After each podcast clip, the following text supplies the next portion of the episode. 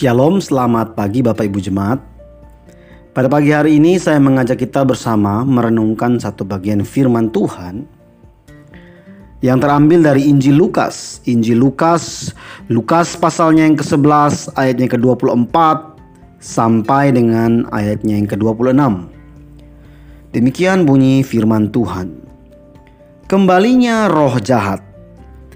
Apabila roh jahat keluar dari manusia, ia pun mengembara ke tempat-tempat yang tandus mencari perhentian. Dan ketika ia tidak mendapatnya, ia berkata, "Aku akan kembali ke rumah yang kutinggalkan itu." Maka pergilah ia dan mendapati rumah itu bersih, tersapu, dan rapi teratur. Lalu ia keluar dan mengajak tujuh roh lain yang lebih jahat daripadanya. Dan mereka masuk dan berdiam di situ maka akhirnya keadaan orang itu lebih buruk daripada keadaannya semula. Bapak Ibu jemaat sekalian, dalam teks Alkitab yang tadi kita baca, Tuhan Yesus mengajarkan bahwa roh jahat bukan hanya ada dan dapat merasuki, tetapi juga dapat kembali lagi ke tempat sebelumnya di mana ia merasuki seseorang. Sekalipun orang itu telah diusir dengan kuasa Allah dalam nama Yesus mungkin tentunya. Tetapi kalau kita mau melihat dalam dunia hari-hari ini, terkadang hal-hal seperti begini oleh karena perkembangan ilmu pengetahuan dan teknologi, banyak orang itu mulai meragukan akan keberadaannya.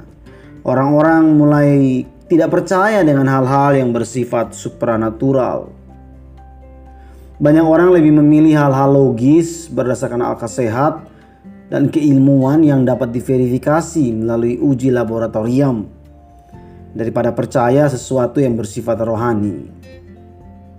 Apalagi berbicara tentang roh jahat, setan, dan banyak hal lagi. Tetapi apa yang Tuhan Yesus ajarkan dan katakan lewat pembacaan tadi bukanlah sesuatu yang telah usang, tapi kita harus ingat bahwa roh jahat, setan masih ada dan siap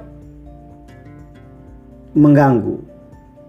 Bahkan dalam sutta bagian lain dalam Alkitab dikatakan bahwa iblis itu berjalan ke sana kemari dan siap menelan orang yang siap ditelannya. Nah, Bapak Ibu, dalam bagian perikop yang tadi kita baca, roh jahat yang keluar dari tubuh manusia seperti yang diajarkan oleh Tuhan Yesus tadi, ketika dia sudah diusir keluar, dia akan mencari tempat yang tandus untuk berhenti. Tetapi karena ia tidak mendapatkannya, ia akan kembali ke rumah yang ditinggalkan. Jadi Tuhan Yesus memberikan satu perumpamaan bahwa orang itu diri manusia ini ibarat seperti rumah.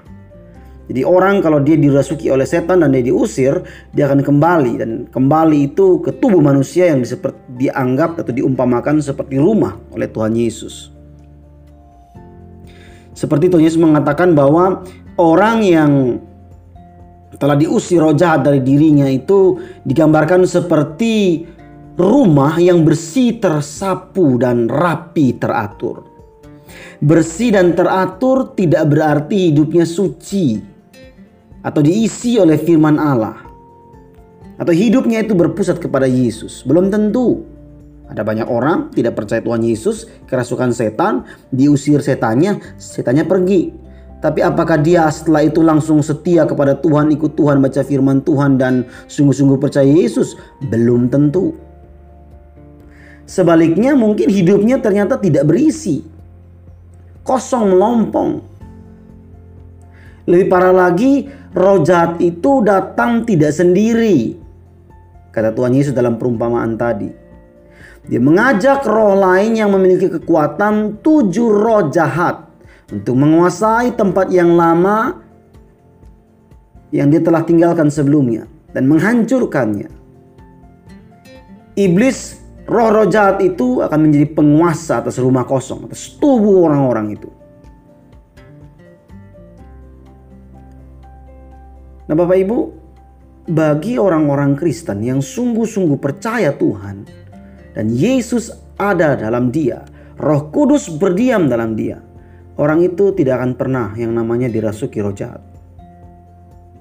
Maka kalau ada orang Kristen dirasuki roh jahat itu patut dipertanyakan. Apakah dia sungguh-sungguh murid Yesus dan beriman kepada Tuhan Yesus? Tidak.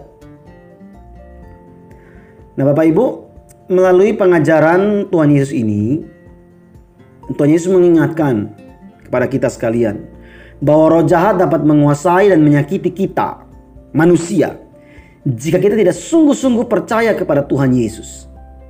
Sebab hidup yang kosong dan tidak diisi oleh Yesus sama seperti memberi kesempatan bagi roh jahat untuk berkuasa lagi dalam hidup manusia, dalam hidup seseorang. Orang yang kerasukan setan dapat membahayakan dirinya sendiri dan juga orang lain. Tetapi Tuhan Yesus sudah mematahkan kuasa iblis di atas kayu salib. Untuk itu, alamilah kehidupan sebagai orang yang menjadikan Tuhan Yesus sebagai penguasa tunggal dalam kehidupan kita masing-masing. Mari Bapak Ibu, mulailah hari ini, jalanilah kehidupan hari ini dengan beriman teguh kepada Tuhan Yesus Kristus, penguasa tunggal atas hidup kita. Amin.